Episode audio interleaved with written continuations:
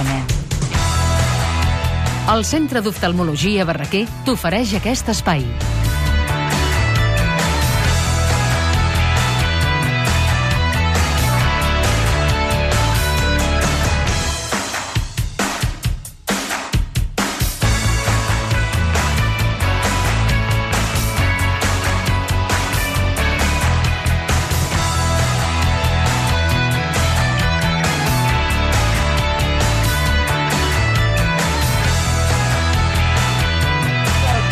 Explico. No, Gorina no ve perquè les està petonejant. És clar, ara l'una, ara l'altra, ja ho senten, ja de fons, no?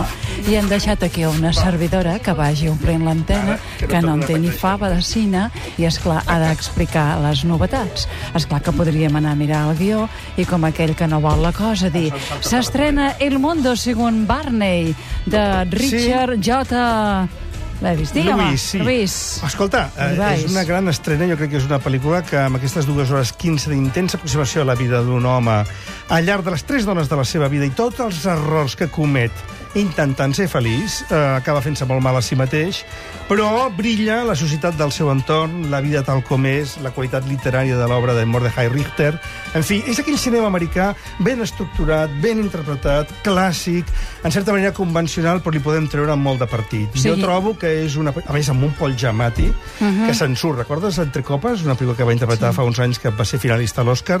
És realment una de les interpretacions més portantoses de la temporada i un descrèdit pels Oscars no haver convertit aquest títol i aquesta interpretació en un dels triomfs dels Premis d'enguany. Doncs eh? ja ho sabeu, aquest cap de setmana podem anar a veure aquesta pel·lícula, El Mundo según Barney, guanyadora del Globus d'Or al millor actor per a Paul Giamatti. El Eh? millor actor de comèdia, que diuen ells, encara que és més aviat comèdia dramàtica, per Ui, que tenim no? un minut per el Rito. No, pel Rito jo, com que ja estic tip d'exorcismes i de noies que Fora. fan, eh, que fan contorsions, jo només us ho adverteixo, no?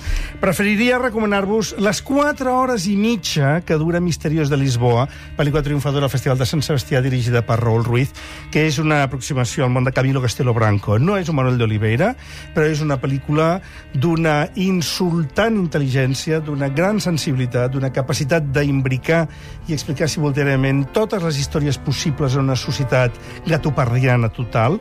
És una pel·lícula incisiva, una pel·lícula plena de sentit de l'humor i una pel·lícula que t'enamores. Ara, això sí, heu de tenir temps. 4 hores i mitja i només hi ha una sessió al dia que comença a quarts de set de la tarda, el que vol dir que com no vagis al cap de setmana, que No, ja, ja meva, saps que no la podràs no veure la podré mai. veure. Però I, I tu volies també parlar-nos un instant de les dues dones que ballen. És un instant, eh? Mira el rellotge. Sí, només per dir que lamentant molt la mort de Jordi Teixidor, l'autor teatral, lamento també que un altre autor teatral, en aquest cas el Josep Maria Benet i Jornet, no hagi pogut superar la petitesa eh, pro programàtica del contingut d'una obra que l'Anna Lizaran i l'Alicia Pérez fan gran, quan en realitat el text es queda una mica curtet en les seves pretensions i tota la representació respira eh, el que diria és una poca ambició total i considerable. No? Llavors, per tant, Anna Lizaran i Alicia Pérez sí, Sí. que són les que uh, ho sostenen l'edifici i aixequen una obra que si no passaria totalment desapercebuda. Al Teatre Lliure de Gràcia, els dimarts que hi ha a la Cerdà, que abans en parlaven, que fa... Per descomptat, és Sagarra. un indispensable.